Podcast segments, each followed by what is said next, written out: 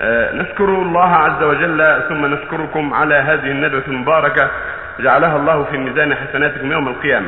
سماحة والدنا العزيز حضرت حضرت أسرتي من مصر لأداء فريضة الحج وهم مع مطوف ومعهم حجاج كثيرون جدا وذهبت لأكون برفقتهم قبل الحج ووجدت المسؤول عنهم قد قال لهم لا بد من عمل أو من ذبح الهدي قبل يوم العيد.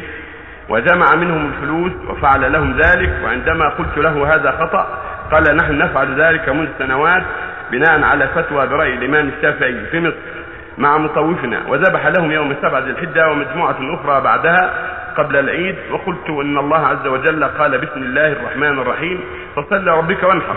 آه. و... أيوه. وآخر. نعم. فصل لربك وانحر. آه. وأخذ وأخذ أن من أركان الحج الذبح ابتداء من يوم العيد إلى آخر أيام التشريق على حد علمي. ما الصحيح؟ وإن أخطأ فما العلاج مع العلم؟ جهل جهل كل الحجاج الموجودين بذلك وقد وكل وكل المسؤول عنهم بناء على فتوى لهم. الذبح ليس من أركان الحج. أركان الحج الإحرام وعرفة الوقوف بعرفه والطواف والسعي. هذه أركانه.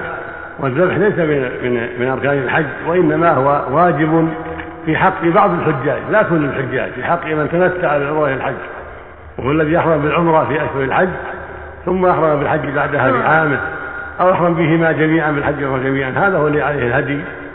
والواجب أن يذبح في أيام النحر يوم العيد والحادي عشر والثاني عشر والثالث عشر هذه أيام الذبح أربعة أيام على الصحيح. الواجب أن يكون الذبح فيها. والنبي صلى الله عليه وسلم وأصحابه ذبحوا فيها وكان معهم هدي قد قدموا به من المدينة ولم يذبحوه إلا في يوم النحر والنبي صلى الله عليه وسلم بقي على إحرامه حتى ذبح يوم النحر. ولو كان يجوز قبل يوم النحر لذبحوا وأكلوا وأطعموا الناس لأنه في حاجة إلى ذلك. فلما أخرها صلى الله عليه وسلم إلى يوم النحر دل ذلك على أنه لا ذبح إلا في أيام النحر. وهذا هو الذي عليه جمهور أهل العلم. نعم للشافعية فتوى في هذا ذهب جماعة من الشافعية إلى جواز قبل العيد. وبعضهم أجازه بعد الإحرام بالحج لا قبل الإحرام ولكن الصواب أنه لا ينحر الهدي إلا في أيام العيد كما قاله الجمهور وكما دلت عليه السنة. والذين نحروا قبل يوم العيد في اليوم السابع أو قبله أو في الثامن أو في التاسع على من ينحروا بعد ذلك وعلى من يقضوا ذلك ولو بعد أيام العيد ولو هذه الأيام.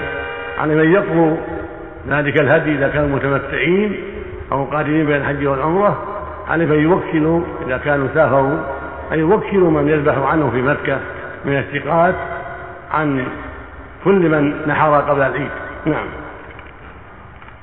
وإذا كان النحر بس مجرد الضحية ما هو اللي يتمتع إذا كان الضحية أو تطوع ما عليه ما ليس عليه عاده أيوه.